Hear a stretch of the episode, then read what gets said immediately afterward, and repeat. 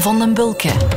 Hallo en welkom bij de tribune. We zijn er dit keer een dag later dan normaal, op dinsdag dus en niet op maandag. En dat heeft uiteraard alles te maken met de Rode Duivels, want die speelden gisteravond nog hun laatste groepswedstrijd tegen Finland. Die match wilden we natuurlijk nog meenemen in deze aflevering en dat gaan we dus ook doen met twee gasten. En dat zijn dit keer Sportza-collega's Frank Raas en Karel Bertelen. Goedemiddag. Goedemiddag.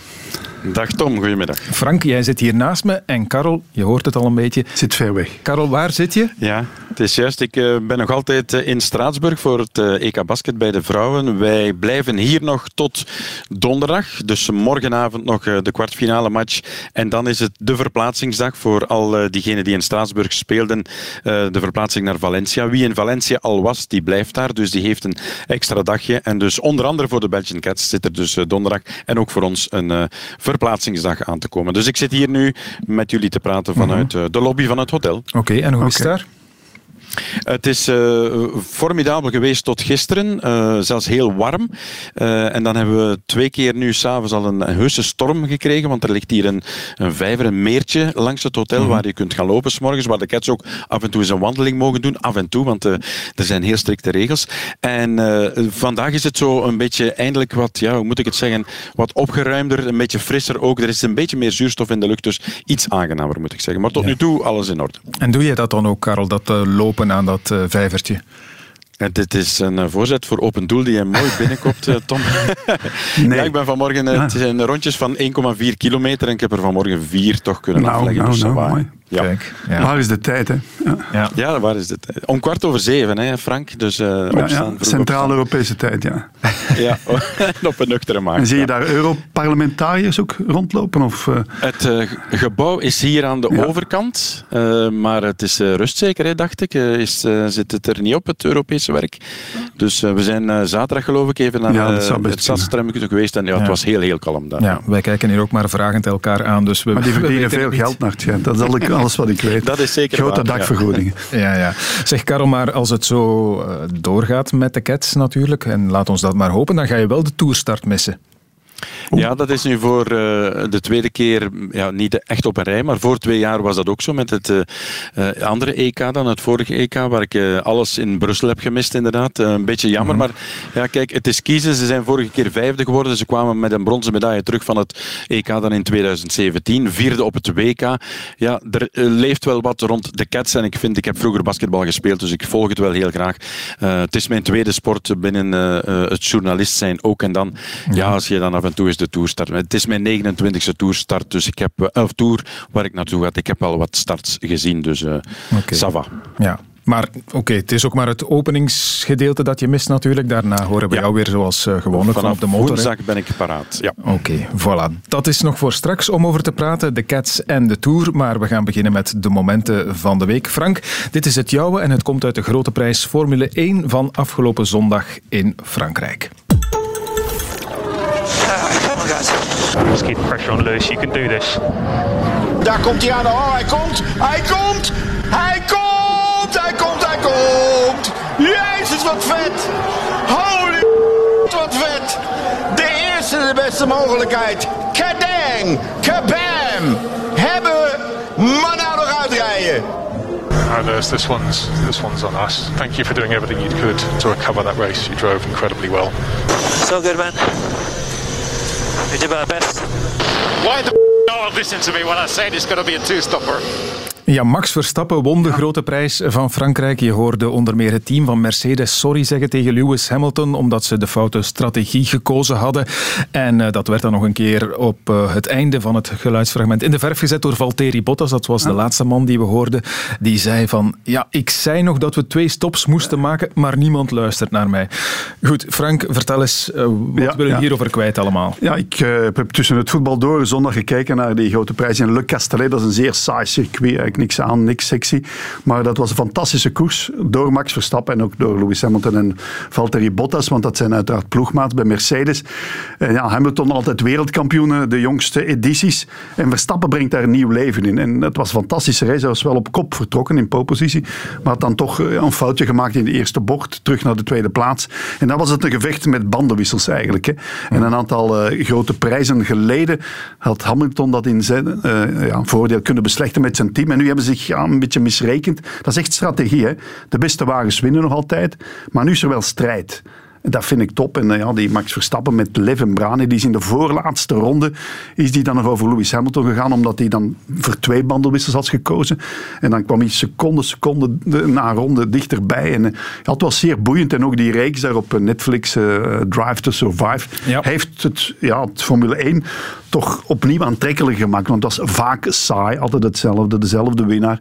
En ik ben opnieuw met mijn zoon, die daar vrij in geïnteresseerd is, die kan mij dat ook allemaal uitleggen, wat undercut is en dat uh, soort bandenwissels en hoeveel bandenwissels. En ja, het is... Het heeft mij geboeid. Ik heb ooit in mijn jonge jaren voor de radio nog Formule 1 gevolgd toen Thierry Boutsen nog meereed. En ja. ik heb dan een aantal grote prijzen in Francorchamps en ook in Zolder live ter plekke meegemaakt. En ook in Zandvoort. Zowat de laatste die daar ooit gereden is. Dus, en dan was het uh, uh, Prost tegen Lauda. Die reden voor dezelfde ploeg, McLaren. En een van de twee moest daar wereldkampioen worden. En Lauda is dan met een half punt voorsprong uh, geworden ja. op Prost. Dat was een enorme concurrentie binnen één team. Een beetje met Bottas en Hamilton heb je dat ook wel. Hè. Die Bottas voelt zich altijd uh, hmm. achteruitgesteld. Terecht wel, denk ik. En die, die, ja, die heeft ook enorme talenten. Dat is een Fin. Hè. Die hebben niet alleen voetballers. Ja, die kunnen ook, met de auto rijden. Hè? Ja, en zeker in de sneeuw. Ja. Maar uh, ja, het, het boeit. Want ja, het is ook strategie en die tactiek erachter. En als je dat begint mee te krijgen, dan uh, is het zeer de moeite waard om daarnaar te kijken. Ja. Ja, en, en Verstappen, ja, dat is, uh, is een beetje enfant terrible, is het niet, maar toch op het randje. En ik heb ooit zijn vader, die ook voor een heeft gereden, Jos. Verstappen nog geïnterviewd toen hij Formule 1 rijdt. Ook voor de radio nog toen. Het waren nog fijne jaren. Ja, ja de bandenstrategie, dat is natuurlijk al jarenlang een tuurlijk, belangrijk tuurlijk, ja. onderdeel van de sport. Maar dit seizoen valt het wel op. Hè? Je hebt wel voor gerefereerd aan die twee grote prijzen. Je had ook nog die grote prijs waarin uh, Verstappen dan een klapband kreeg. Wat was het in de laatste, voorlaatste ronde? Uh, uh, waarin hij heel kwaad was. Dus die bandenkwestie, het is wel dit seizoen ja, heel belangrijk. De, de bandenfabrikant, ik ga hem dan toch weer niet noemen, daarnet even gedaan, die, die lag enorm onder vuur. Omdat hij natuurlijk al op het randje gaan. Snelheid is zeer belangrijk, maar die moeten ook ja, meegaan. En Verstappen was zeer boos, want ja, in de laatste ronde klapband en dan alles verliezen, dat is zeer pijnlijk. En ja, dat, dat, dat is altijd natuurlijk boeiend geweest, maar door die reeks op Netflix kun je echt ook wel inside kijken. Wat, ja, die techniek, alles, die, die verhoudingen tussen die rijders, want er zijn er eigenlijk maar 20, 25. En af en toe komt er nieuw bloed en zo. Die, die Russell is er nu aan het opkomen. -huh. En dat zijn 25 vedetten, hè, voetballers. Er zijn er duizenden. Ja. Bij wijze van spreken, coureurs ook wel 200, 300 zeker hè, bij de profs, op zijn minst. En ja, dat, dat is zo'n klein kringetje. En om daarin te komen, dat is, dat is ja. zeer moeilijk.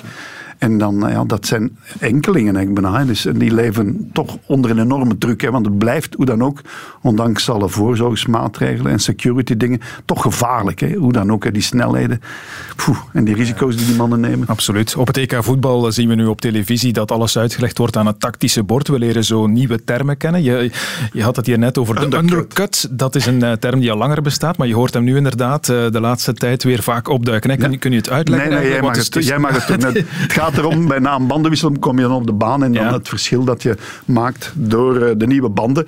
Want ja. dat was nu anderhalf à twee seconden dat uh, ja. uh, Verstappen moest goed maken. En dan zie je die bijslepen, bijslepen. En de man die daar net commentaar, ik ken hem niet, de Nederlander, die allerlei uh, schuttingswoorden gebruikte. Ja. Dat zegt, ja, fenomenaal dat hij dan in de voorlaatste ronde er nog overheen gaat. En dat was ook allemaal zo uitgerekend. En die strategie van, van zijn ploeg, van Red Bull, was wel straf. Ja, ja. die undercut, dat is inderdaad, ik moet oppassen dat ik het zelf goed... Op, want ik ben geen specialist. Maar je komt inderdaad de pit uit met een nieuw setje banden en dan is de bonus die je kunt nemen ja. in die eerste ronde, denk ik, met die nieuwe banden, dat is cruciaal. En Bij hem was dat heel strak ja. Verstappen, ja. En wat daarbij ook belangrijk is, is dat het team voor jou bekijkt wanneer je in welke ja, ja. omstandigheden weer de baan opkomt. Met andere woorden, heb je de vrije baan. Want als je tussen allerlei andere auto's komt, dan kun je dat voordeel niet goed benutten. Dus er komt heel veel rekenwerk en data aan te pas. En ja, je hebt wel de indruk, die druk op die mensen die daar voor de computer zitten ondertussen, dat Even is ook, ook, niet min. Hè? Ja, die bandenwisselaars ook. Je zult, je zult, het maar misberekend hebben. Dat, dat moet bijna wiskunde zijn allemaal, toch? Ja, ja bij Bottas hebben ze ook die banden is, dat, dat dat niet ging. En dat die, de, die man die dan, die ene man die de verkeerde ja, Tournavies vast had, die moet, dan toch, die, die moet dan toch slecht slapen, denk ik. Want die ja, dat denk ik wel. Dat is enorme stress, want ja. die wisselen binnen de twee seconden. Hè. Ja, Dat is onwaarschijnlijk. Hè. Ja, de druk, dat, dat moet fenomenaal zijn. Bij mij duurt dat eh, een uur. Bij die mannen. Vier banden. Hè. Ja, twee, twee seconden. Tik, tik, tik. Ja, en doe je het in drie seconden, dan, eh, dan ben je loser, hè, Dan ben je een loser, inderdaad, in, de, in deze tijden. Geen eten s'avonds. Nee, oké, maar het Formule 1, eh, of de Formule 1 tenminste, is weer boeiend en daar zijn we blij om natuurlijk. Goed, over naar het moment dan van eh Karel Bertelen. Lampaard is inderdaad Belgisch kampioen tijdrijden en verslaat toch favoriet Remco Evenepoel. Is dat een verrassing? Ja, dat is een verrassing. Is dat een enorme verrassing? Wel nee, wel nee. Ze waren ook nagenoeg gelijk in de Ronde van België, in de Belwaze Belgium toen.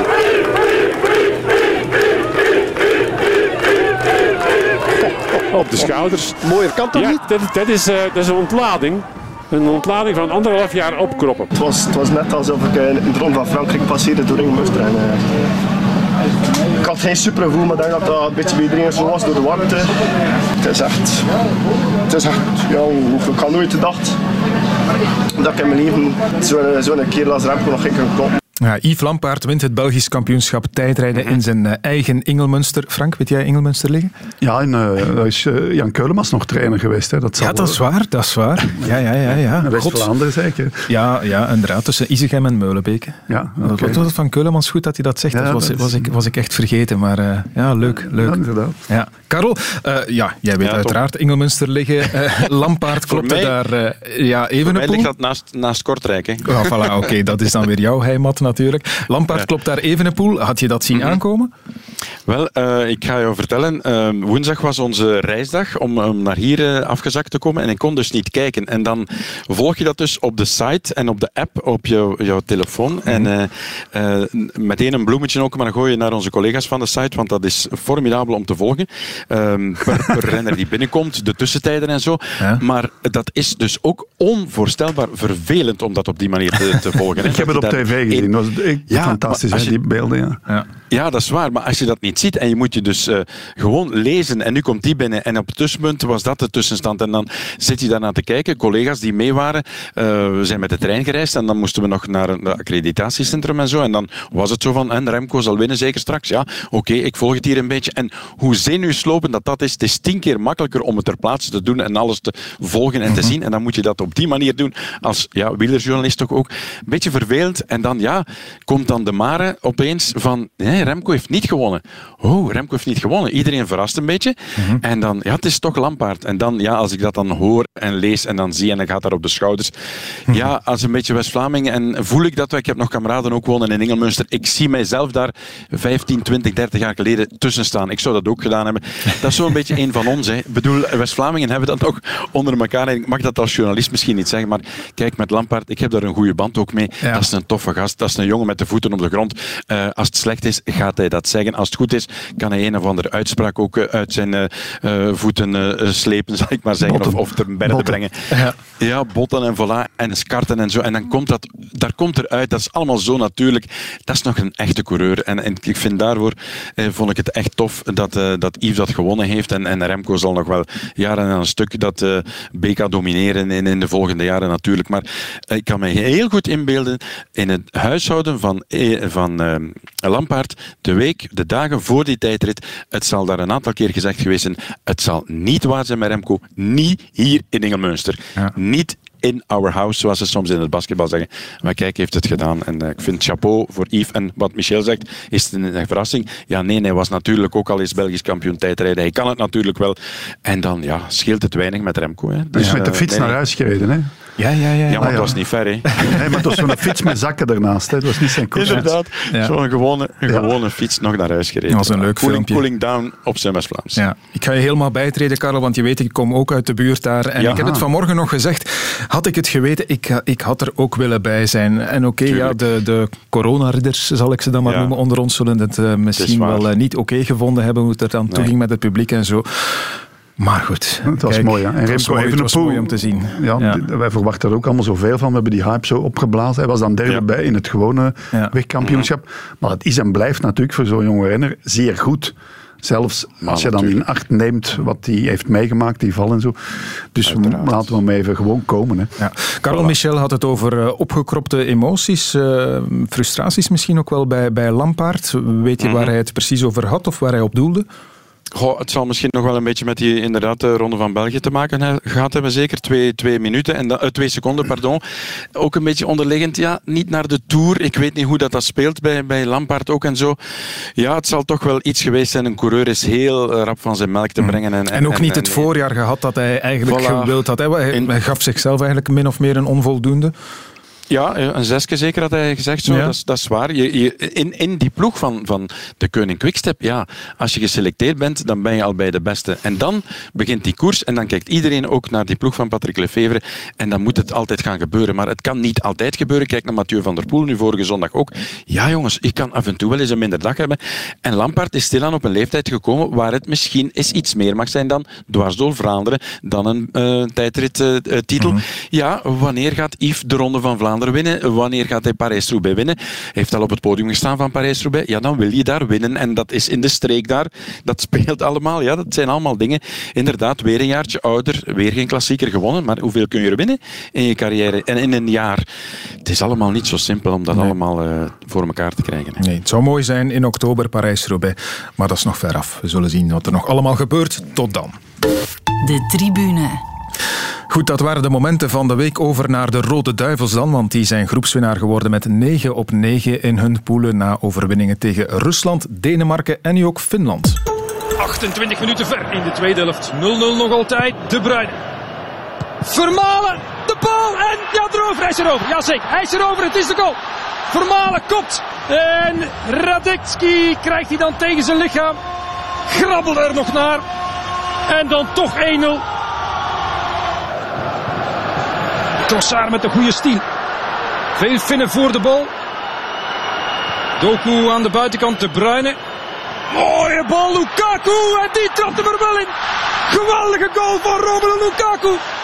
En zo 2-0 voor België. Frank, wat vond je van uh, de Duivels? Ja, ze hebben 9 op 9. Dat is absoluut het positieve nieuws. En de Belgen winnen dat soort wedstrijden wel. Hè. Uiteindelijk, mm -hmm. het was geen formidabele partij om naar te kijken. Eigenlijk hebben ze geen enkele echt goede wedstrijd gespeeld. Nee, Drie dat keer, is, een, dat is maar wel ze hebben 9 op 9. Dus stelling, wat zeuren wij dan? Hè? Ik bedoel, en de moeilijkste match was hoe dan ook tegen de Denen. Hè. Dan uh, scheelde het zeer weinig. Als dan de Bruine zijn duivels niet had ontbonden, dan had het slecht kunnen aflopen. Als de Denen iets beter hadden afgewerkt. Uh, dus, maar hoe dan ook, ja, tweede ronde, dat is eigenlijk kinderspel geworden. Vroeger ja. was het altijd tellen en meten en hopen. En nu ja, vinden we dat allemaal zeer normaal. En, en 9 op 9, ja. Er zijn niet zoveel teams. Alleen Italië en Nederland, zei ik ook nog. Ja, dus... dat is wel een beetje het gevoel dat je hebt bij die ja. Rode Duivels, vind ik. Namelijk, oké, okay, ze spelen niet goed, laat staan geweldig. Maar je denkt of je redeneert haast automatisch van goh, met één of twee flitsen komt het toch wel weer in orde. Ja, ze hebben nog geen referentiematch gespeeld, nee. zoals tegen uh, Brazilië bijvoorbeeld. Eerste helft op het WK. Maar dat is natuurlijk het systeem. Hè. 24 ploegen en dat duurt en dat duurt. Die voorronde, we weten amper nog wie er uh, tegenstander was in de voorronde tegen België. Maar ze hebben dat ook allemaal uh, geklaard. En Zwitserland, dat kunnen we nog zo herinneren. Die nederlaag in Zwitserland, dat kwam een ja. beetje hard aan. Maar dat, daar moeten we toch ongeveer mee doen. Qua slechte matchen of echt slechte resultaten. Maar ja, daarom vind ik wel die groep des doods wel bijzonder boeiend. Hè. Als je dan Portugal tegen ja, Duitsland ziet mm. en zo, dat, dat, dat komt toch op een ander niveau. Ja. Op die matchen ja, moeten we wachten. En die gaan er nu aankomen in de knock-out fase. Hè. Er gaan maar acht ploegen uit uh, na 36 wedstrijden. Ja, ik ben daar geen voorstander mm. van. Nee. nee. Maar goed, die 9 op 9 staat ja. er. Hè. Je zegt uh, waarover moeten we dan uh, zeuren. Maar je gaat wel niet naar de achtste finales nee. met het gevoel van hm, wij zijn hier nee, de grote mannen gaan, van het toernooi. Nee, we gaan niet zo meteen uh, Europees kampioen worden. Er zijn vijf, zes kandidaten. Italië is daar uiteraard bij. Frankrijk, Duitsland, België toch ook. En Nederland misschien net iets minder kandidaat. En dan heb je ja, nog goede ploegen. Engeland, die moeten nog losbarsten, denken we dan. Ja. Maar ze dan toch te licht uitvallen, vrees ik. Maar ja, dat is, dat is boeiend hè, dat we het niet weten. Ja, maar wij moeten ook nog los Ja, dan, denk maar ik. hopelijk gaat dat gebeuren. Want je weet dat ook nooit of dat dat kan of moet. Hè. Ja, tegen Brazilië zijn we tegen Japan in het uh, ja, laatste ja. half uur. dat zijn momenten om nooit te vergeten. Hè, want als het daar niet meevalt met die kopbal van Vertongen, dat weten we allemaal, dan zou het ook uh, slecht uh, afgelopen kunnen hebben. Ja, dat is het. Ja. Tegen Japan. Maar dat zijn de momenten die wij om onthouden. Hè. Die goal van Chadli. En dan die eerste helft tegen Brazilië. Dat is om duimen en vingers bij af te likken. En dat, ja, dat hebben we nog niet gehad. En ze weten dat ook. Hè. Die Rode Duivels zijn zeer nuchter. De coach die blijft altijd even positief. En Hazard bijvoorbeeld gisteren. Uh, hij vond dat zeer goed. Ja. Wij allemaal denken, ja oké, dat moet nog veel beter. Maar hij heeft wel 90 minuten gespeeld. En hij toonde een soort uh, verbetenheid, vond ik ook wel. Van ja, als er een dribbel mislukt, doen we er nog één. Uh -huh. En dat vind ik wel een goed teken. Dus dat hij toch op de weg terug is. Jij leest mee ons scenario, denk ik, eh, beste Frank Raas. Nee. Want kijk, je begint erover over Eden Hazard en positieve Roberto ja. Martinez daarover. We gaan eens luisteren. To me, it's the first time I've seen Eden Hazard turning, twisting right and left. There is not... one worry in my in my in my mind that he feels strong, he feels happy, his body is is reacting well, and then over the next the next aspect is is to see Eden with that final pass, with that. Uh, that shot that he finishes in the back of the net. So delighted with his performance. The next step will be the accuracy, and that doesn't come doesn't come from hard work. That comes from his talent. So that's a little bit that we can leave to himself. Zeg maar. hard geroepen. Hè. Ja, de stem heeft er een beetje Philippe Clement-achtig. Ja, het is een beetje echt zo. maar hij, hij, is wel zeer positief nu natuurlijk. Ja, voilà, hij want, wel, want, hij zegt daar inderdaad, vooral in het begin van zijn antwoord is het alsof we de oude Eden Hazard nee, al gezien dat is hebben. Niet dat waar. is toch dat niet, hè? Nee, nee, want er waren veel foute passes. Maar er was wel een soort ja, doorduwen na, na minder. En hij had natuurlijk ook kunnen scoren. Want hij heeft er één keer komt die kipper Radetski daar van de Mars. Die doet dat fantastisch Ja, ja. goed. En dan op het einde nog dat schot niet slecht. Maar ja, ik vond toch wel zijn, zijn, ja, zijn verbetenheid, dat, dat, dat uh, kon mij wel bekoren. Maar het is zeker nog niet de oude Hazard. En je moet daar gaan afvragen, gaan we hem laten starten of niet? Dat moet Martinez oplossen. Maar als je zo spreekt over hem, denk ik wel dat hij hem gaat laten starten. En uh, dat zal dan niet voor de volle 90 minuten zijn. Maar ja, Hazard is natuurlijk een, een wonderkind. Hè? Maar ja, twee jaar is dat nu al aan het sukkelen, dat wonderkind. Oké, okay. Karel, jij hebt ook gekeken, neem ik mm -hmm. aan, daar in Straatsburg. Ja. En wat vond je ervan? Inderdaad. Ik kan uh, heel ver meegaan, uh, bijna de hele weg met wat Frank allemaal zei. Maar? Um, en ik heb, nee, nee, nee, er komt geen maar. Nee, nee, de maar is dat wij hier zondag gezegd hebben, um, de match van uh, de Belgian Cats tegen Turkije. Als het Turkije is dat de Belgian Cats uit de kwartfinales haalt, ja, dan ben ik niet waar om naar die kwartfinales te gaan. En dat gevoel hadden wij hier, een beetje van op afstand, ook onderling. Ja, het zullen toch de Finnen niet zijn die de Rode Duivels van de, van de groepswinst gaan houden. Als dat het geval is, ja, dan ben je inderdaad niet goed bezig. Dus ze winnen inderdaad zo'n match wat in het verleden misschien moeilijker zou geweest zijn en dan erdoor gesukkeld, ja. Terwijl nu, oké, okay, ze winnen, het is 2-0, geen goal binnen en uiteindelijk maak je wel het verschil en achteraf zeg je, de Rode Duivels waren beter. Dus ik denk inderdaad, we zijn op de goede weg. We hebben nog niet alles getoond, dat is een beetje vergelijkbaar met de Cats. Uh, een beetje groeien in het toernooi, Frank, je hebt dat daar vaak meegemaakt. Ja. Op toernooien, dat is niet slecht, hè. Zo'n ploegen komen ver, hè. Ja, natuurlijk, maar ze moeten groeien. Dat is het, uh, moet natuurlijk nog Mhm. gebeuren, hè. Want de Finnen ja, die zijn toch bij de twee, drie minste die ploegen. niks dit, eigenlijk. Ja. Normaal winnen die ook niet tegen de Denen. Dus uh, dan heb je Slowakije. Je hebt ook uh, nog Noord-Macedonië. Noord Slowakije is nog misschien iets beter. Maar nou, ja, ze moeten groeien. Hè. En dat zal in de volgende match blijken. Hè. Dat moet blijken. Hè. Want... Maar als je nu de Duivels zien spelen hebt, in, in, die drie matchen eigenlijk, en je hebt ook al Italië gezien, je hebt Duitsland zien spelen. Ja. ik vind Italië, Duitsland, die Italië. maken dan toch een betere indruk. Ja, Italië dan, was... Dan, dat is voetballen toch beter wat die brengen. Die hebben ook maar 1-0 gewonnen. Ja, maar de Duitsers ook. Hè. Ja, die zijn gegroeid. En. Maar ja, nu, nu komt de, de echte knock-out fase altijd veel boeiender. Hè. Dat er, en de spijt dan is Sevilla, dat weten we al. Maar tegen wie? Dat zijn er nog een stuk of zeven, denk ik, die mathematisch kunnen. De hoogste in de rij is blijkbaar Slowakije. Dat dat statistisch zou dat kunnen zijn. Maar het kan ook tegen Spanje zijn in Sevilla. En daar zou ik wel naar uitkijken. Ja. En niet top-top Spanje. En wij dan in de bakkoven van Sevilla, zoals we dat uh, noemen. Ja. dat kan boeiend worden. Maar nu was het uh, nog maar inderdaad tegen Finland dus gisteren. En dan kun je misschien ook wel denken, zo'n Kevin De Bruyne, goh, op hoeveel procent van zijn kunnen speelt hij dat soort matchen misschien? Speelt hij dat op 50, 60 procent? En, en, daarmee ja, volstaat kun je, het kun wel? je dat zo op 50 zelfs tegen Finnen? Want dat is dan een muur dat die optrekken. Ja. Die lopen zich te pletter, want uh, inzet en motivatie, we hebben het ook bij de Hongaren gezien en bij nog andere teams. Als die zich dubbel plooien, dan heb je het moeilijk. Hè? De Polen hebben het ook al getoond. Maar ik denk dat die toch wel ja, hoger zit dan 50 procent. Ja. ja, want ik heb zo'n heatmap gisteren gezien op tv en dan ja, zat overal, hè? echt overal. En lopen en heeft, ja, weten we, we weten dat hij 12, 13 kilometer aan kan per match. Veel high-intensity runs en zo. Nee, hij zit al rond 80 of zo, dat denk ik Ja, wel. ja, ja. Oké, oké. Er was ook een, eh, enfin, een, een moppie, zal ik het dan maar noemen, over, nu je over heatmaps begint, over Ja. de heatmap van Hans van Aken. En dan kreeg je zo'n foto van... eh, Ja, een lijn. Met, met, de- met vooral een vlek in de tribune. Maar kijk, is er gisteren Ja, hij toch heeft één lijn, hij heeft ja, één minuut gespeeld. Het was door die streakster eigenlijk dat hij dan toch nog het veld op kon. Hè. Ja. Daar zat hij, want hij moest allemaal wachten. Maar dan was er een meisje dat eh, nog half aangekleed. Ja, ze had nog kleren aan, hè? Ja, we hebben die op foto, want op, op tv zie je dat dan Ah, niet. nee, dat was inderdaad de UEFA daar de UEFA, om, de eh, FIFA, die laten dat niet toe. Nee, En mag je als regisseur word je gestraft als je dat in beeld brengt. hè. Soms zouden regisseurs toch eens mogen Ja, zonder nee, nee, Ja, dan, dan ontslag meteen. Ont, nee, nee, dan, is, dan word je beboet en al wat je maar wilde. Oké, goed. ehm, je zei het al, de bakoven van Sevilla wacht ons nu. Eh, Ja. Zou daar eh, eind de 30, richting 40 graden zijn. En eh, dat stadion, Ja. moet ik eerlijk zeggen, vind ik ook maar niks. Ja, maar dat spelen de Spanjaarden graag. Hè. Dat, ze hebben er natuurlijk nog niet zo goed gepresteerd, dit toernooi. Dat is een beetje hun fetus stadion. En natuurlijk in Sint-Petersburg was het eh, gisteren blijkbaar ook zeer warm. Hè. Ja.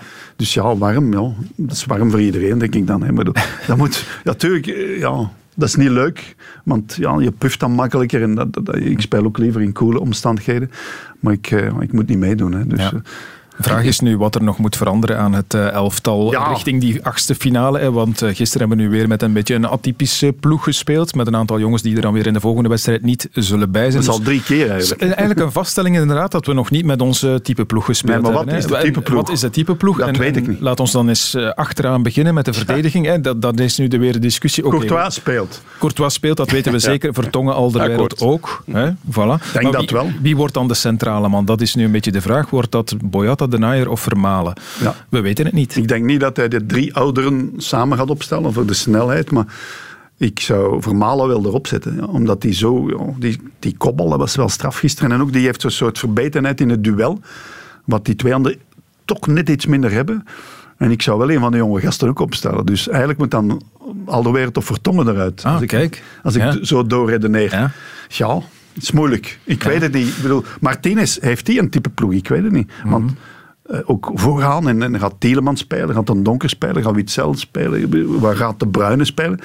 Ik vraag het mij af, wat zit er in het hoofd van Roberto Martinez? Mhm. Heeft hij al een type ploeg? Want je kunt zeggen, hij heeft een type ploeg.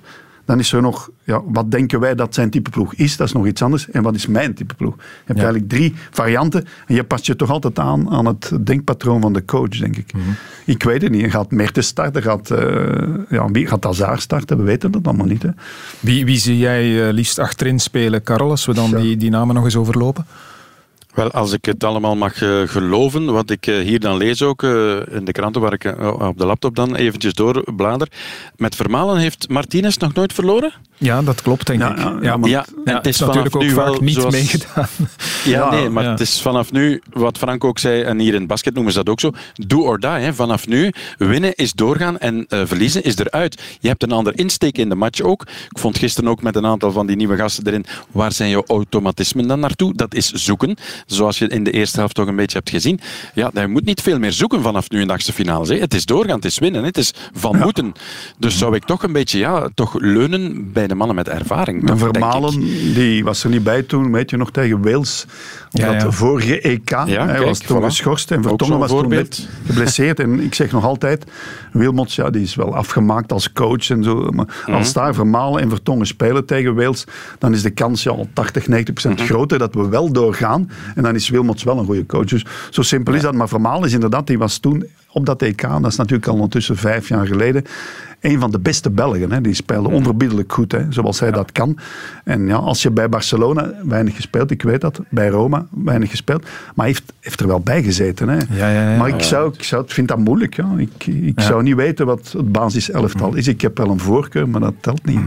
De Naaier heeft al een steek laten vallen tegen Denemarken. Boyata doet het eigenlijk normaal wel goed als hij speelt. Ja, maar daarna Terwijl- is de snelste. Hè. Ja, En dat terwijl- speelt dan ook mee natuurlijk.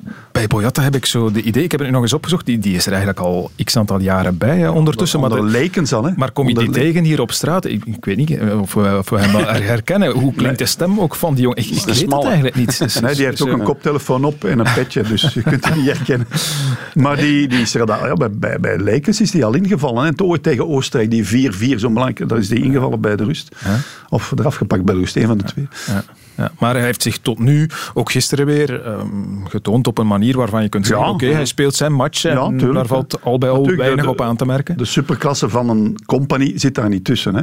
En die anderen worden ouder. En ja, alhoewel altijd impeccabele, zo nog altijd wel echt zijn match spelen. Maar ik vraag het mij af. Ik ben zeer benieuwd ook wat hij met Tielemans gaat doen en zo. Ja, er is één echte zekerheid eh, en dat is eh, de man die voorin staat natuurlijk. eh, Romelu Lukaku scoort gisteren dan weer eigenlijk toch twee keer, want ik weet dat dat een, een vervelende discussie is. Die is al een paar keer, wat zeg ik, een paar keer eh, ontelbare keren op tafel gekomen, denk ik. Hè, dat buitenspel, dat gaat nu daar weer over een teennagel, zou je Ja, kunnen maar zeggen. ik bedoel, je maar kunt- wat moet je daarmee, Frank? Want dat is toch eigenlijk te gek dat, dat nee, nee, dat is. Ik vind dat buitenspel. Ja? Je kunt niet zeggen, we gaan dan 30 centimeter pakken. Nee, Ja, pff, ja. nee, nee ik, vind ook, als je dan, dat, dat kun je echt zeggen. Ja. Dat is mathematisch. is veel moeilijker bij rode kaarten en bij penalties.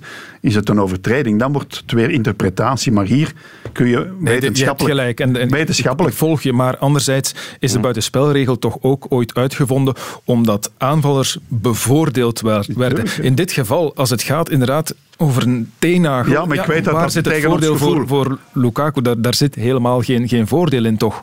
Nee, maar... Er worden ook goals afgekeurd voor spitsen die, die met hun rug nog naar de goal staan. En, en oké, hun kont is eh, nu toevallig een Bespeelbare centimeter delen. dikker dan die van... van ja, ik, ik vind het heel moeilijk. Maar ik snap Nee, maar de buitenspelregel, je ja. kunt hem ook afschaffen. Hè? Jan, Wel, ik Jan denk- Mulder pleit daarvoor. Maar, dan, ja, maar kijk je dan voor voetbal? De buitenspelregel... Van Basten heeft het ook zo. Ja, zo die wil dat, maar die heeft wel meer rare dingen gezegd. Maar die- ja, ook goeie, hè. Maar die, de buitenspelregel, dat hoort bij voetbal zoals, eh ja, wat moet ik zeggen, bruis bij... Bier bij een café. Spaarrood. Ja, of bruis bij Spaarrood. Ja, nee, maar. Dat, ja, ik vind dat dat hoort erbij. Dus zoals bandenwissels in de Formule 1. Je moet, ja, we kunnen dat afschaffen, maar dan krijg je een totaal andere sport. Ik zou het wel eens willen zien. Ja, gewoon om het te proberen. Ze hebben maar, ook zo wel eens de lijn verlegd. Hè, dus de, de, de- en zo, dat, dat, dat, maar, Maar je hebt gelijk, ik volg je inderdaad. Eh, Je kunt het met die je kunt het vaststellen, tenminste als die lijn dan altijd 100% goed getrokken wordt. Ja, natuurlijk. En we weten ook niet altijd frames, zeker er zitten 25 frames in de voilà, seconde. inderdaad. Maar ja, als, dit, als deze goal eh, afgekeurd wordt in de finale en het gaat over Pech. Europees kampioen worden of niet, dan word je toch gek. dan word je gek. Maar, Want nu vinden we dat allemaal niet erg wat er gisteren nee, gebeurd maar als dat bij de tegenstander is, dan vinden we dat wel fijn. Dus nee, nee, we moeten wetenschappelijk denken op dat punt. En bij buitenspel en ook bal over de lijn, hè, van doellijntechnologie, dat, dat, is, ja, dat werkt. Hè.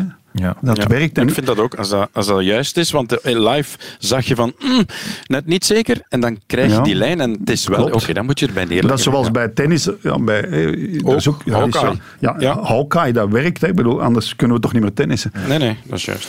Nee, dat is waar. Ehm, Tom, weet- wees wetenschappelijk. Ja, ik leg- enfin, het, is een, het is een persoonlijke frustratie. Nee, ik maar ik leg er mij bij neer en ik geef jullie ook En gelijk. zolang hoor. het bij, Ik de, bij ons is, is dat erg. En als het bij Ja. de tegenstander is, dan vind je ja, toch wel goed die en technologie. Ja. Zo opportunistisch Ja, dat zijn is we zo, zit dat, ja. natuurlijk. Zo zit dat. Ja.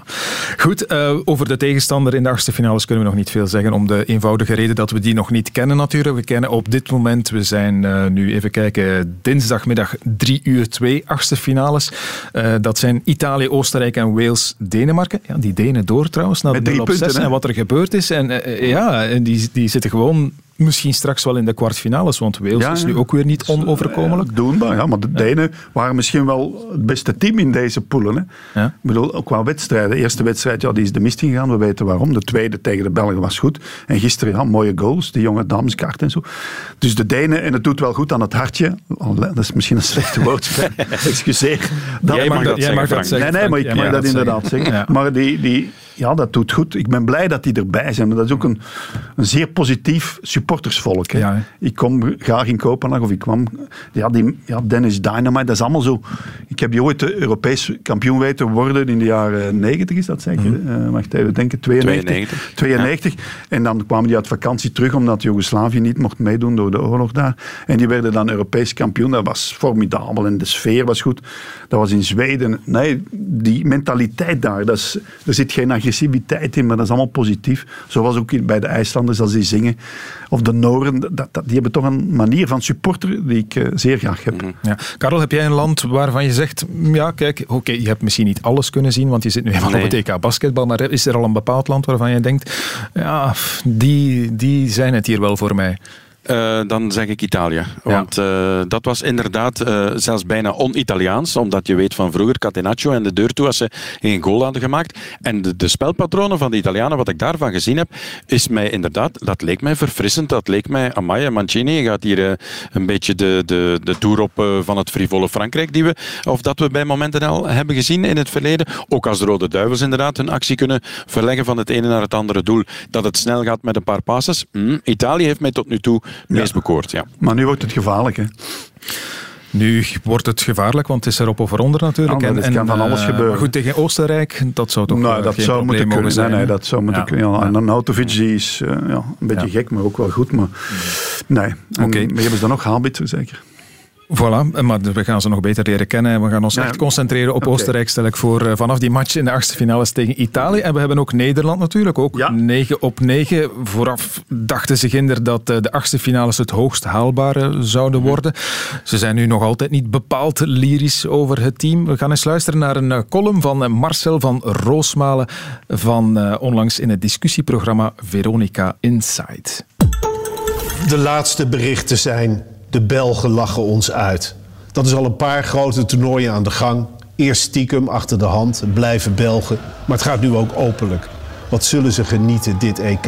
Ze hebben zelf een elftal met wereldsterren. Wij zitten met Frank de Boer. En onze populairste speler heet Wout Weghorst. Bij Wout Weghorst denk ik aan de subtop, aan boeren met worst, aan een gezond wantrouwen in de medische wetenschap, aan friet met mayonaise, aan maiskolven, tatoeages, tractoren, aan reuzel, aan een stal die uitgemest moet worden, aan een drachtige koe, aan hooivorken, aan blubber, aan al die kutprogramma's van SBS, aan drijfjacht, aan vissen met drie hengels, aan huisdieren. Wout Weghorst in oranje is als Johan Boskamp achter een bord sla. Het klopt niet. Wij, het land van Marco van Basten, Dennis Bergkamp, Johan Cruijff, juichen voor Wout Weghorst. We zijn één groot Twente geworden en we zijn er trots op. Natuurlijk lachen de Belgen ons uit. Ja, ze steken eh, de draak met zichzelf, maar eh, moeten we toch niet stilaan een beetje rekening gaan houden met die Nou. Nederlanders? Of oké, ze zaten natuurlijk wel in een, een makkelijke groep. Ja, dat, en dat ook, moeten maar, we ook maar die matchen waren wel leuk om naar te kijken. En inderdaad, ja, je hebt in elk team of elke kern wel een Wout Weghorst. Je hebt ook Morata bij de Spanjaarden en zo, dat dat gebeurt. Hè. Mhm. Nee, maar dat is natuurlijk een column. Hè. Maar Reuzel, eh, dat is iets met spek. Zo, ja. Is dat niet die, dierlijk dat, dat, dat, dat, dat ja. wit, denk ik. hè. Ja, inderdaad. Ik vond het wel mooi. Ja. Dat is natuurlijk een typische Nederlandse column, zoals Nico Dijkshoorn dat Ja, ook kan ja. produceren. En die gaan er dan altijd zodanig over, zoals Hans Steeuwen. Maar wel leuk om naar te luisteren natuurlijk. Maar eh, goed, gisteren tegen eh, Noord-Macedonië geven ze toch al bij al nog altijd vrij veel kansen weg en zo. Ja. Dus ja, goed. Het mooiste was de, de vervanging van Pandev. hè. De- Ja, dat was een mooie moment. Ja. Ja, Ehm, ik ga er nog één ding uitpikken. Eh, Duitsland-Hongarije, match van woensdagavond om 9 uur in München. Ze willen daar de lichten van de Allianz Arena in de, niet, in de regenboogkleuren laten oplichten. Een beetje een signaal tegen de anti-homo-wet die onlangs gestemd geweest is in Hongarije. Maar het mag niet van de UEFA. Nee, politieke statements, daar zijn ze zeer Mhm. bang voor. Maar dit is eigenlijk geen politiek statement, dat is een menswaardig statement. Eh, dus, maar ze zeggen ook wel eh, de equal game en zo, iedereen is gelijk. Maar dan, dan mag dan niet ook die eh, armband van Neuer, die regenboogarmband, dat vonden ze ook al op het randje. Maar ze hebben dat dan dat toch wel aan- blijkbaar mogen. Hè? Dat mocht dan toch wel, maar ze durven niet goed. Eh, Ze, ja, de Belgen gaan ook op de knie zitten met de Black Lives Matters. Ja, ze willen dat er zoveel mogelijk buiten houden, want natuurlijk Hongarije is niet onbesproken. Eh homo-wetgeving, maar ook ja, Orbán, hun leider, dat is ook niet de meest eh, democratische rakker. Dus dat is allemaal moeilijk, maar Hongarije, ja, daar zit het vol. Hè, want ze hebben ook gedreigd al, de UEFA, om de finale van Londen naar eh, Budapest te verzetten, omdat daar veel volk binnen mag. Dus de normen van de UEFA, die laten soms wel eens te wensen over. En wow, het is toch prachtig, dat eh, regenboogstadion daar in München. Ik vind dat raar. Ja. Waarom waar moeien ze zich mee? Waar, waar houden ze zich mee bezig? Dat ze met belangrijke dingen bezig zijn. Maar jullie zijn ook allebei journalisten en dat al jarenlang. In hoeverre kun je sport en, en politiek met elkaar verweven? En, en moet je de dingen al dan niet gescheiden houden? Of moet je dat Ja. toch meenemen in je commentaar, eh, in je beschouwingen? Je moet dat wel zeggen, maar dan was er nooit een, ja, een WK in Argentinië geweest, geen Spelen in Peking, in, eh, speel, of eh, WK voetbal in Zuid-Afrika. Er is allemaal wat op aan te merken. Qua mensenrechten, Qatar niet te vergeten, wat daar allemaal gebeurt. Zoveel mensen zijn daar gesneuveld. Maar op een bepaald moment zou een bond moeten zeggen, we gaan niet. En dan, dan nemen ze wel een standpunt in, maar dat is dan zo vaag. En ze durven niet. Hè. Dus, maar ja, die kan dat ook niet oplossen. Dat is zeer moeilijk, want bij elke Olympische Spelen is er wel iets aan de hand. Hè. Ja. Daarom komen die ook niet meer naar ons. En bij onze democratie is dat veel moeilijker. Mhm. Ze gaan liever naar Rusland of eh, China op dat gebied. Wa- Wat vind jij, Karel? Want ik las bijvoorbeeld Ja. in de Standaard deze week ook een, eh, een column waarin eh, onze collega Aster nogal eh, ja, op de korrel genomen werd, omdat hij in de match tijdens de match tussen Hongarije en Frankrijk was het inderdaad nogal eh, lyrisch was over de sfeer in het stadion. En hij had, heb ik zelf gehoord, het thema een paar keer aangeraakt, maar hij was daar niet bepaald dieper op ingegaan tijdens de wedstrijd. Maar ja, goed, is dat het moment waarop een commentator moet eh, plots beginnen eh, de toestanden in een land op politiek vlak beginnen aankaarten? Dat is toch het moment niet daarvoor? Ik, ik vond dat onzin. Ja. Ja, dat is, dat is absoluut waar. En, en wat wij nu ook, en dat moeten we onszelf toch wel een beetje eh, toegeven, we hebben eh, bijna allemaal ongelooflijk gezaagd dat het een leeg stadion was en dat er geen volk langs de weg stond en dat we door corona toch wel sport hadden, maar dat er geen beleving was. En je komt dan als journalist in een vol stadion. We wisten op voorhand dat het in Hongarije vol ging zitten met meer dan 60.000 mensen. Ja, dan kom je ook wel toch in die sfeer als journalist. Hè. En dan vind ik dat dat toch wel mag gezegd worden en dat dat wel een element is dat ons mee ja, eh, in de sfeer brengt en in de verslaggeving toch dat, wel dat had al zeker invloed. brengt. Hè. Dat zeker invloed op de match. Hè. Ja. Maar ik denk Ja, niet dat de. Hongaren dat buitenshuis hadden gekund. Dat is Nee. een enorme stuwing. Hè. Die, die, die, dat was formidabel. Maar natuurlijk, als je dan die dingen er gaat bijnemen, die politieke Ja. overwegingen, dat, toch- dat is zeer moeilijk in een verslaggeving. Voilà, maar dat kan toch in de analyses achteraf? Of, of eh, ja, vooraf. vooraf dat, Gaat dat niet, hè? Want Jan Wouters kaartte natuurlijk ook Tuurlijk, de toestanden in Argentinië. Dus, Ja, maar hij, deed dat toch niet, hij begon toch niet te midden van Nee. een match over de junta van eh Videla? Nee, nee, of, denk of ik wel. Maar, ja, Toch? Is maar toch, Ja, hij maakte kritische stukken daarover. maar hij, deed, hij dat toch niet halverwege de de- wedstrijd tijdens een aanval van Argentinië tegen weet ik veel. Nee, nee, niet tijdens de aanval, maar hij ging naar de. Plaza de Mayo voor en nadien. Zijn bandopnemer is daar twee keer gestolen. Ze zijn daar binnengevallen, de politie. Dus Jan heeft toen echt wel een voortrekkersrol vervuld. Want bij de VRT, mag ik dat nu wel zeggen, vond mij dat ook niet fijn dat Jan dat deed. Want dan moest de hoofdredacteur, was nog iemand boven Jan, Wim de Gruiter, eh, zaliger. Beerschot supporter ook. Maar die, die moest alle stukken van Jan controleren. Mhm. In opdracht van de Raad van Bestuur. Dus dat, is, ja, dat was toch wel straf wat Jan deed. hè. Ik bedoel, eh, Het is in 1974, wat is er van de sport geworden? Met Ja. een vraagteken erachter. Ja, ja. Dat vraagteken was eigenlijk nog het belangrijkste dan het, dan het programma. Ja, tuurlijk. En in Dus, ja. 78, dus dat, ik werkte toen nog niet op de VRT. Ik ben dan in het Mhm. najaar van 78 begonnen. En dan, nou, dan krijg ik ook dat boekje van... Ja, ik heb dat nog altijd liggen met de handtekening van Jan. Nee, Jan heeft er wel straffe dingen gedaan, want hij is daar ook bedreigd geworden. Dus de Jan durfde wel. Dus, eh, en, maar nu... We leven in een totaal ander tijdperk met social media, dus dat is totaal anders. En dus zou je dan nu anders communiceren. Hè. Ja, ja. Jan schreef nog alles met de hand. Ja. Ik kon eigenlijk gewoon even zeggen dat ik vond dat Aster dat goed gedaan heeft. Nee, nee, maar Hij heeft het Aster een paar keer is een aangeraakt. groot talent. Zonder Maar- maar- dat hij op dat moment daar echt diep kon op nee, ingaan. En dat hoeft nee, op dat nee, moment nee, ook nee. niet. Je kunt Ja. Aster er zeker niet van verdenken dat Nee, hij daar niet mee bezig is. Dus nee, nee. Dat Voilà. kun je, tijdens de match is dat heel moeilijk. Hè. Bij toe. deze laten we het los. los. De tribune. We gaan ons op eh, de ronde van Frankrijk concentreren. Die komt eraan natuurlijk. En daar kijken we naar uit. Dat spreekt voor zich. Het wordt een tour met Wout van Aert in die mooie trui van Belgisch kampioen. Edward Teuns of Wout van Aert? Dat is de vraag voor de Belgische titel. Eh, Wout van Aert die begint nu aan de sprint. Wout van Aert begint nu aan de sprint. Edward Teuns kan eruit komen. Edward Teuns voor de grootste overwinning uit zijn carrière. Of toch Wout van Aert houdt die stand. Het wordt bijzonder, Klaus. Het is eh, Wout van Aert toch. Ze kijken naar elkaar. Wie zal het zijn? Jawel, jawel. Wordt uitgeroepen tot eh, winnaar. Wout van Aert is Belgisch kampioen. Hoezo temper de verwachtingen? Nee, nee, nee. Geloof die renners niet. de klasse druipt ervan af. Deze zege is vooral speciaal omdat ik, eh, omdat ik die wil opdragen aan eh, mijn maat de Smol. heeft de strijd tegen botkanker verloren afgelopen maand. En, eh, ja, er zijn ook veel andere dingen gebeurd, maar dat is eigenlijk allemaal van geen tel als je zoiets meemaakt. Mooie boodschap van Wout van Aert en Karel. Het is prachtig dat we hem een heel jaar gaan zien in die tricolore trui. Het blijft toch een van de mooiste truien uit het peloton. Hè? Het is de mooiste, echt Ja. waar. Ik denk elke coureur zegt dat. Ook andere renners zeggen dat, dus dat is waar. Die valt ook enorm op. Ehm, die valt ook enorm op als je niet goed aan het rijden bent. Dat is dan een, eh, ja, een elementje ernaast, maar dat gebeurt dan ook natuurlijk. Maar nee, nee, nee. Wout van Aert als Belgisch kampioen naar de Tour. Het is een heel mooi geschenk voor alle supporters en eh, voor iedereen die eh, de koers volgt. Ja, natuurlijk is hij een van de beste, zo niet de beste op dit moment. En dan word je Belgisch kampioen. Eddy Merckx is ook maar twee keer Belgisch kampioen geworden. Dus het is niet niet zo makkelijk om in België uh, kampioen te worden. En dan uh, doet hij dit nu na inderdaad al die verwikkelingen, al die twijfels die er waren, die hij zelf ook uitgesproken heeft, die de ploeg ook uitspreekt. En ik kan Christophe verstaan dat hij dan zegt van, zoals met wat is er van een sport, vraagteken erachter. Ja, is dat dan allemaal wel grote twijfel? Is toch een beetje de druk afhouden? Is het toch een beetje zien dat we niet te veel in de picture lopen en dat iedereen denkt van, hij gaat alles en iedereen naar huis rijden. Maar uiteindelijk in de koers zelf ja, zie je toch opnieuw wat voor een klasbak is Wout van Aert. We gaan daar nog echt veel jaren ja, zoveel Hij was op pad ja, met uh, Remco Evenepoel en met Edward Teuns in de finale. Ja, hij pareerde wel heel makkelijk de aanvallen van Evenepoel. Ja, Evenepoel zei achteraf van hij, hij, maakt mijn demarages belachelijk. En dus als iedereen weet in het als Evenepoel demareert, dat ze er bijna allemaal afgaan en dat Wout dan gewoon in dat wiel blijft zitten. Dus geloof mij ook inderdaad, Wout heeft niet stilgezeten op stage. Die week die hij verloren heeft door die appendixoperatie, jammer, heel erg. Maar er gaat een tikkeltje frisheid ook mee nu naar de Tour voor Wout. En ik denk dat dat hem wel goed van pas zou kunnen komen. Maar, maar inderdaad, ja.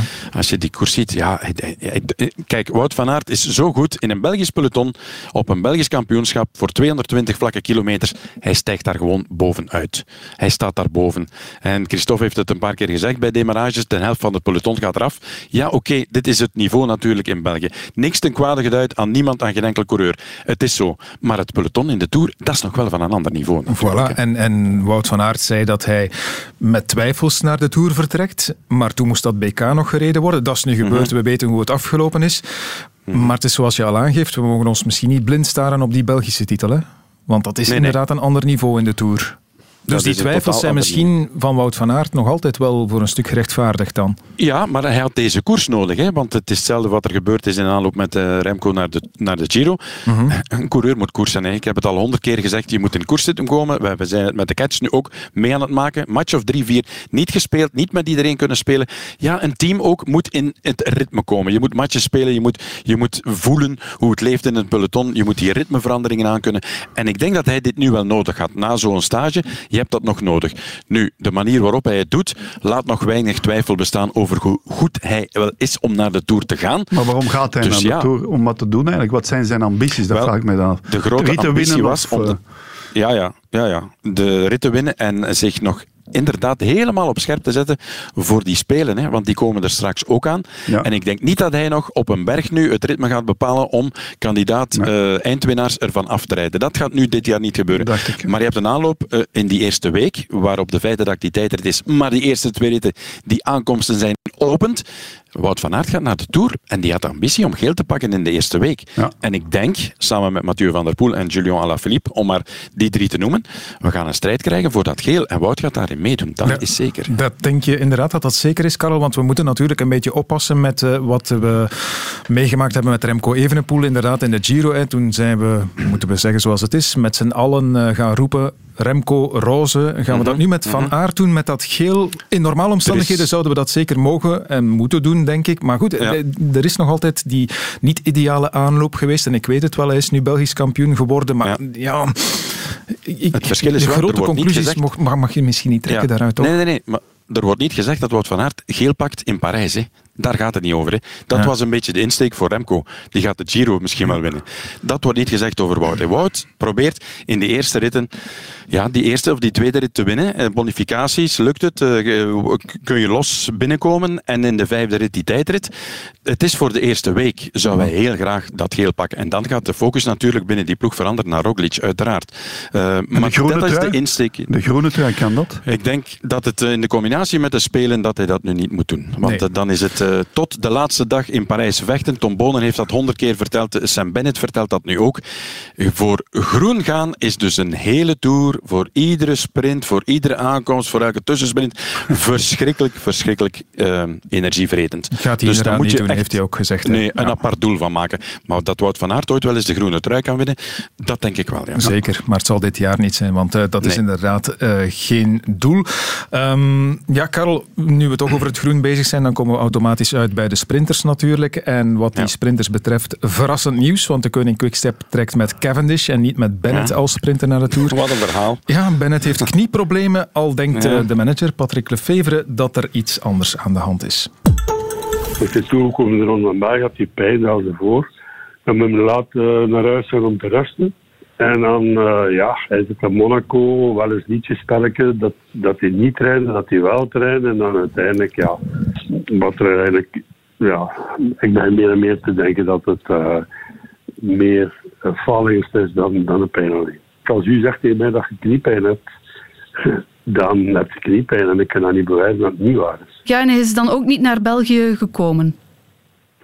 Uh, we, gaan hem toch doen, we gaan hem toch doen komen, ja, want uh, dat had ik zomaar niet aan mij voorbij Ja, faalangst, zegt Patrick Lefevre. Bennett kan de stress niet aan. Dat verhaal is al een beetje bekend, denk ik, Karel, dat hij vrij nerveus is, hè, dat hij ook die Morkov echt nodig heeft om hem kalm ja. te houden.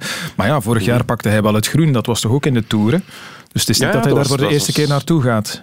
Nee, het is waar. En, uh, en bij Bora heeft hij ook zijn verdiensten gehad. En, en in de Tour inderdaad wint hij twee ritten en groen. Ja, hoeveel coureurs willen daar niet voor tekenen, inderdaad. Maar in aanloop naar wordt daar nu weer over gepraat en komt dat weer in de herinnering. En sommige mensen moesten denken van, wie had er nu weer groen? Ah ja, Bennett, ah, Bennett, hup, ja. En dan ben je daar wel mee bezig. Er zijn een aantal wel ritten voor hem ook, voor de sprinters tussendoor. Stuk of zes, als ik het uh, goed kan uh, mm-hmm. verstaan, ook bij, bij andere ploegen die sprinters naar de Tour sturen.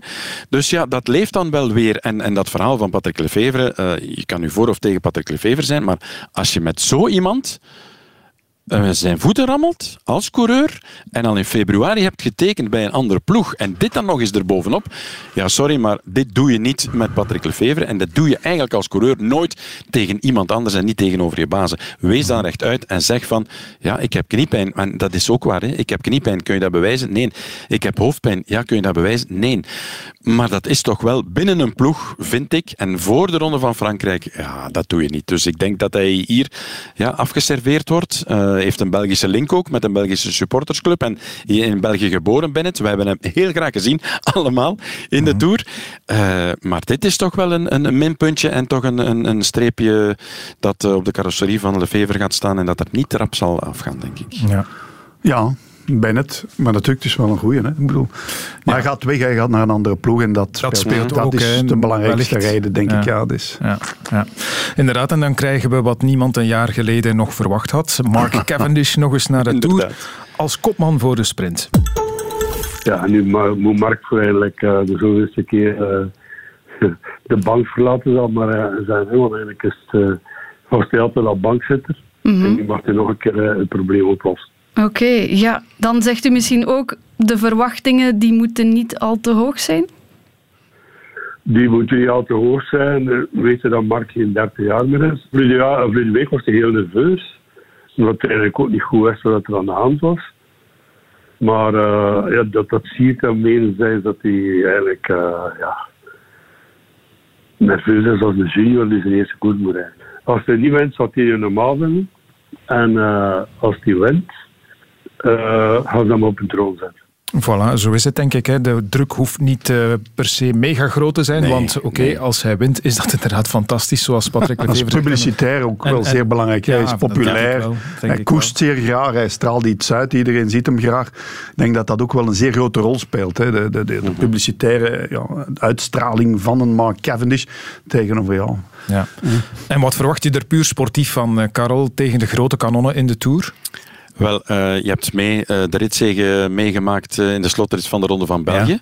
Ja. Um, hij zelf zegt daar op dat moment, en de anderen die in de eerste tien stonden van die rituitslag van, hm, zou niet misstaan in een tourpeloton. Negen of acht renners gaan naar de Tour. Ja, kijk eens, als uh, hij voor de eerste keer die lead-out gekregen heeft van uh, Michael Morkov en hij zegt van, kijk, ik win hier. Als hij dat nog eens in de Tour kan doen met nog eens Ballerini daarvoor, het treintje van Quickstep met zoveel ervaring. Oké, ik denk dat we dat toch wel eens willen zien. En uh, why not, hè? laat dat maar eens gebeuren. En wat Patrick Lefever zegt inderdaad, niemand rekent er nu op dat Cavendish hier ritten gaat winnen in de Tour, maar het zou zo wel eens kunnen dat hij er eentje wint en eentje pakt. En ja, dan is hij inderdaad de king. En dat zou wel heel mooi zijn voor de ploeg. Op die manier ook die scheve situatie binnen die ploeg dan rechtzetten met het probleemgeval van uh, Bennett. Maar Mark Cavendish is nog niet traag en is niet, niet iemand die versleten is. Hij wint vier ritten in in Turkije. Dus oké, het grote peloton ook daar niet, maar wel tegen Jasper Philipsen een paar keer. En ook wel weer op uh, hele korte aankomsten met bochten en dergelijke meer. Dus de risico's pakken, zich positioneren, het nog altijd durven. Uh, toch drie of vier kinderen ook ondertussen, Mark Cavendish. ja. ja hij doet het toch nog wel iets. Dus hou er maar rekening mee. Ja, ja. vier die keer gewonnen in, in Turkije en één Morkov, keer in, in, de Ronde van België. Inderdaad. Die Morkov, ik volg het ook wel goed, maar ja. die Morkov gaat hij zelf ook nooit eens voor de overwinning. Kan die dan niet? Die moet dat, toch ook kunnen als je dit, ja, als je die, die dus out kan doen? Ja, nee, iemand die lead-out kan doen, doet lead-out en zijn race stopt daar dan 200 meter voor de streep. Ja, maar, en die kan niet meer extra versnellen. Doorrijden. Nee, nee, nee, de extra versnelling is er dan niet meer. En het, heeft ook met durf en met stress te maken, hè Frank? Want bedoel, ja. als Jan Morkov gaat zeggen, kameraad, het is vandaag voor jou, en Kevin die zegt, ik ga voor jou aantrekken. Ze hebben het in de Scheldeprijs geprobeerd, Kevin die en Bennett, het is mislukt. Ja, ja dat, is, dat is een vak, hè. dat is, dat is echt ook een vak, lead-out zijn. Oké, okay, de lead-out staat op zijn paspoort, lead-ouder. Je deed het even heel eenvoudig klinken, Frank, hè? Ja, gewoon 200 meter doorsprinten en klaar is Soms, die, die man die kan zo ontzettend snel rijden. Maar die moet altijd in dienst rijden van. Die moet dat toch ook moe ja. worden. Nee, maar je ziet dat inderdaad wel met Morkov. Die gaat uh, in de rituitslag vaak nog terug te vinden zijn op, op uh, achtste, negende of tiende ja, plaats. Dus, dus, ja, dus, en hij rijdt er voor een ander. Dus hij kan toch wel tweede, derde en waarom niet eerste worden. Dan moet er natuurlijk... Ik zal eens bellen met Lefebvre. ja, dat is goed. Moet gedaan zijn. voilà. Ploegleider Frank Raas kan mee naar de Ronde van voilà. Frankrijk, stel ik voor. Heb je iets te doen de komende uh, maand? Nee? Ja, ik heb moeten het nieuws presenteren. Ja. okay. Iedereen is weg en dus hebben ze mij nog maar ingehuurd. Ja, ja. ja oké. Okay. Goed, de factor Morkov wordt inderdaad uh, belangrijk, denk ik, in de Ronde van Frankrijk. Mm -hmm. Karel, nog, nog één vraag, want ik ben toch benieuwd. Dat openingsweekend, wie schuif jij naar voren als eerste man mm -hmm. in het geel? Goh. Je weet dat dat de lastigste vraag is die bestaat. Ja, het is moeilijk. Ik, keer ik, in, ja, de sprint, ja, in de sport. Goh, het is, ik, uh, ja, als, als, als Van der Poel in zijn element is uh, helemaal, dan, dan, dan ga je daar rekening moeten mee houden. Um, ik denk dat Wout ja, gemotiveerd is daar ook voor. Philippe heb ik ook al gezegd. En dan zal er hier en daar toch nog wel iemand zijn. Uh, ik denk aan een, een Fullsang bijvoorbeeld, bij Astana, die een grote vrije rol krijgt. Ik lees vandaag toevallig, David Godu woont uh, op vier kilometer van de aankomst van de muur de Bretagne. Ah, ja, ja zo'n Godu is toch ook een thuisrijder, een ja. Bretoen. Ja, dat, dat zijn allemaal elementjes die gaan meespelen. Die kan dat eigenlijk ook. Dat, dat is een, een goede klimmer nog, niet echt een, een puncher. Maar goh, het gaat zo verschrikkelijk hard gaan. En, en dan denk ik, ja, de mannen met ervaringen en die een beetje nog iets over hebben. En als Van der Poel echt in zijn element is, ja, hou er maar rekening mee. Hè. Dus uh, mm -hmm. het gaat mooi zijn. Echt waar, de eerste twee ritten uh, om naar uit te kijken. En jij bent er niet bij. en ik ben er niet bij. Wanneer zouden de Cats moeten spelen dat weekend? Ga je kunnen kijken? Wel, als de Cats erdoor zijn, woensdagavond is het halve finale om 6 uur of om 9 uur. Dus dat zal net, net goed zijn. Mm -hmm. En de is ook om, uh, is om 9 uur s'avonds, dan samen met de België tegen uh, okay. de tegenstander. Dus het kan een mooie zondagavond worden. Ja. Maar je gaat dus naar de koers kunnen kijken, dat, uh, dat is zeker, ik hoop denk het. Ik. En anders zal ik wel iemand hier bij zijn nekvel grijpen om de laptop open te zetten. Oké, okay, dat is goed. De tribune. Over die Cats willen we het toch nog even hebben natuurlijk, want ze hebben zich net als de Rode Duivels geplaatst als groepswinnaar voor de volgende ronde van het EK. Al heeft het de nationale basketbalvrouwen wel wat meer moeite gekost. De klok tikt nog 5 seconden. Goed, Emma Meeseman. Ja. En het is naar de Laren, het is naar Kim Bester voor de drie punten. En die gaat er niet in, maar het is voldoende. België naar de kwartfinale. Geweldig. Rechtstreeks, ze zijn groepswinnaar. Maar Wat waarom moet dat zo spannend zijn? wedstrijd opnieuw. Die mogelijkheid ah ja, dat we morgen thuis staan, normaal moet zorgen voor een, een sense of urgency. Van onszelf dan ook beter te maken. Um, dat kon vandaag wel iets beter. Van, ik had zo niet het gevoel van het is een do-or-die wedstrijd. Um, ik denk dat bij sommige meisjes dat, dat nog iets meer mocht. Maar ah ja, echt bang. Ja. Achteraf is het makkelijk van te zeggen nee, maar ik weet het niet. Dat was Emma Meeseman. De kwartfinale komt er woensdag aan om kwart voor negen tegen Rusland. Karel, hoe beoordeel je het mm -hmm. toernooi van de Belgian Cats tot nu? Wel, um, het is zoals Frank daarnet zei met de 9 op 9 van de Rode Duivels. De manier waarop het gebeurt is, uiteindelijk vergeet je dat straks. Uh, je bent door, je bent groepswinnaar en, en, voilà. Maar het is op een andere manier gebeurd dan iedereen inderdaad had gedacht. Hè? Want zo'n uh, Pandoering tegen Bosnië op de openingsspeeldag, ja, dat was even schrikken toch voor iedereen. Dat er dan nog mogelijkheid was om door te stoten, ja, uiteraard. maar dan moest het wel veranderen.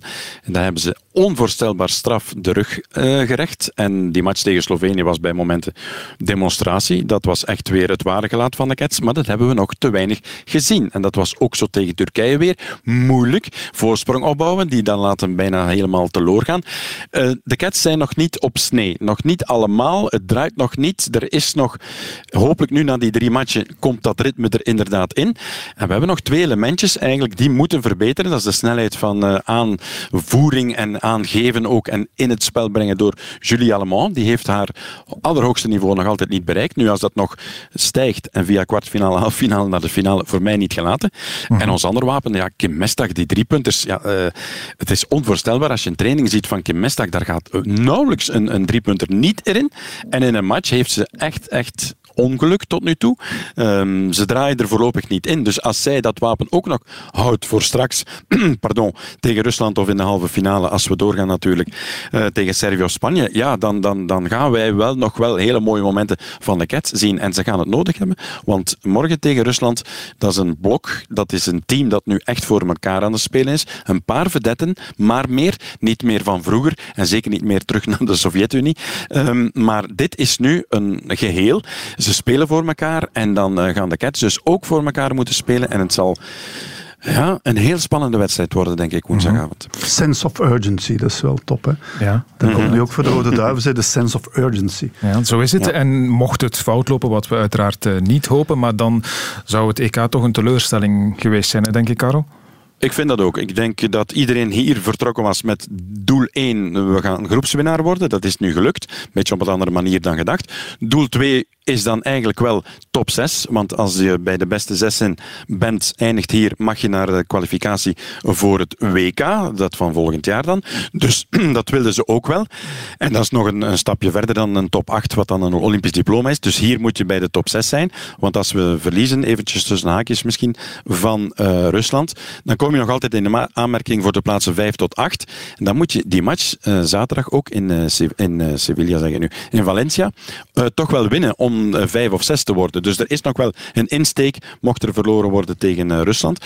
En deel drie is dan ja, de finale stap natuurlijk, een medaille pakken. En uiteindelijk zijn de Cats wel medaillewaardig, vind ik, nog altijd. En dat blijft toch nog wel het allerhoogste doel waarvoor ze hier naar gekomen zijn. Dus het is nog allemaal mogelijk, maar ze gaan wel allemaal even goed moeten zijn als Emma Meesman, die dus haar toernooi perfect aan het uh, afronden is. Maar ze krijgt op dit moment te weinig steun. Dus dat moet nog verbeteren. Oké, de sportomni voor Frank Kraas volgt hij ook het EK basketbal bij de vrouwen? Ja, ik heb die match, die tweede tegen Slovenië, dat heb ik gezien. Ja. En dan mm -hmm. vlogen ze erin langs alle kanten. Dat vond ik wel, ja, oké. Okay. Ja. Ik vond dat uh, die Slovenië wel zeer pover, moet ik zeggen.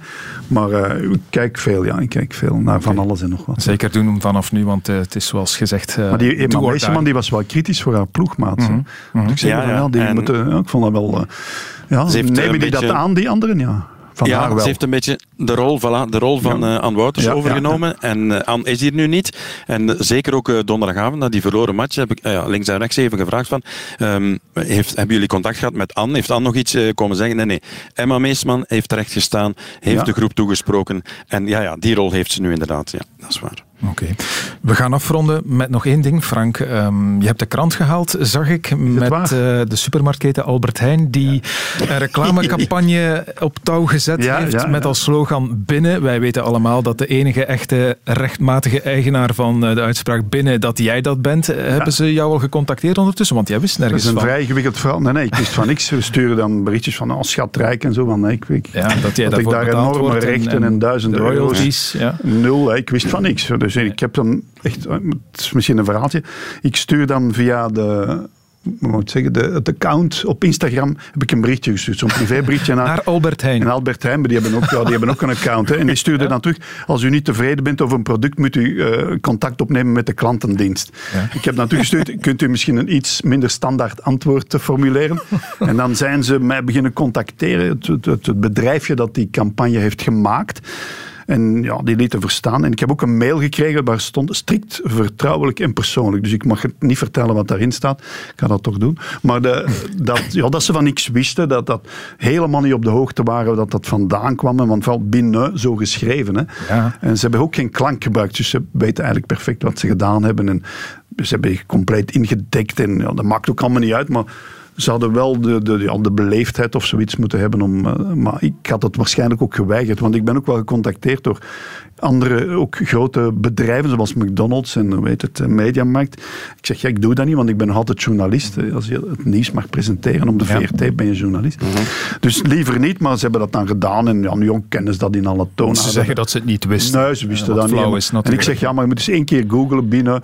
Ja, dat hebben we gedaan drie maanden geleden, maar toen eh, was er niks. We hebben daar nog screenshots van en dat verwees helemaal niet naar jou. Wel nu met het EK wel, zeggen ze maar drie maanden geleden niet. En zo, al dat soort flauwekul. Flauw. En ik wou er eigenlijk niks meer over zeggen, maar de mensen bleven mij wel lastig vallen. met kijk, van en nu doe ik het geld. ook weer. Ja, ja, maar ik verdien daar niks aan. En, ja, en ook binnen, ja, dat staat niet in Vandalen. Hè, dus dat is wel, en of dat nu beschermd kan worden of niet, ik weet het niet. Auteursrechten op, een, eh, op dat woord, ik denk niet dat dat bestaat of kan. Dus laat ze maar doen. Maar ik heb het wel al gegeven aan eh, sensibiliseringscampagnes, zeg maar, van eh, voor verkeer en zo. Dan maakt dat allemaal niet uit of zo. Wat ik me wel nog herinnerde, en ik ben het daarom nog eens gaan opzoeken, in 2014 had het eh, WK voetbal in Brazilië en toen was er een WK-lied van halve euro. Half een euro. Maar die heeft mij dat gevraagd. Is het waar? Voor de deur van een Deleuze in Antwerpen stond hij. En die komt, dat is een hele beschaafde man met een baard. Ik dacht een of andere ja, notaris of zo. Die zeg, mogen wij dat gebruiken? Ik zeg ja. En dat is een rapper. En toen heeft hij dat gemaakt, maar die heeft dat beleefd gevraagd. En ik heb dat, is met mij ooit gaan eten.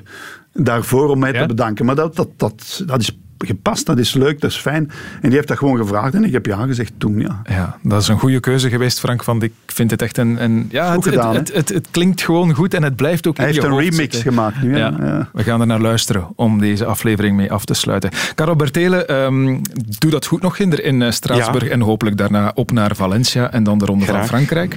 Dus eh, veel succes wat de Cats betreft. En Frank Raas, dankjewel. voor Graag gedaan. En hier komt halve euro met binnen. Bolt binnen! Ja, ja, ja, ja, ja. En wij staan binnen. Het is 0-1. Loopt dat feestje nu beginnen En stampt je man maar al binnen, binnen Je valt buiten maar binnen Spelen hem te winnen Roepen in binnen, binnen En ook de echte rooiduivels zijn opgestaan. Ah, iedere vijand die gaat eraan. Verbranden hun vlag in het vage vuur. En spelen hun ploeg van het kasken naar de muur. Als die en de stonden achter ons team. Op weg naar Brazil 2014. We dansen de samba in het land van Pele. En dribbelen als zot als Moussa Dembele. Loopt dat feestje nu beginnen En stampt je man maar al binnen, binnen Je valt buiten maar binnen Spelen hem te winnen Roepen in binnen, binnen De bondscoach bepaalt de strategie.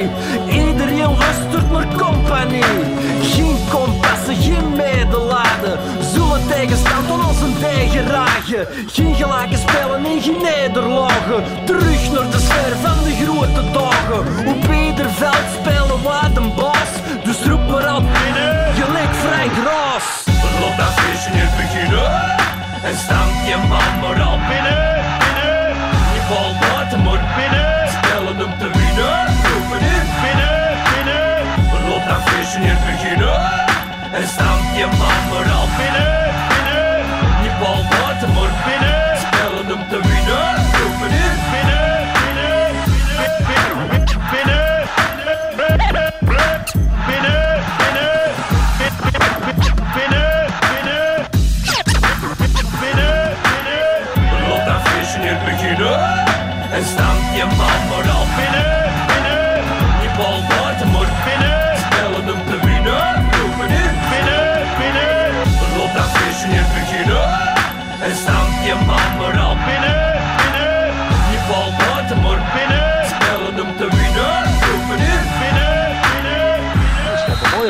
recht voor de goal.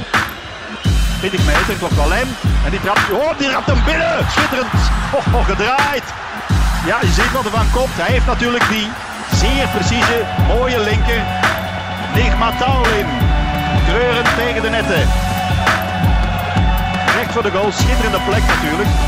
Maar die vrije schop, de Russen zullen daar nog eh, veel over discussiëren. En Nigma Taulin, goede doelman, die kan er alleen maar achter lopen. En dan kijken.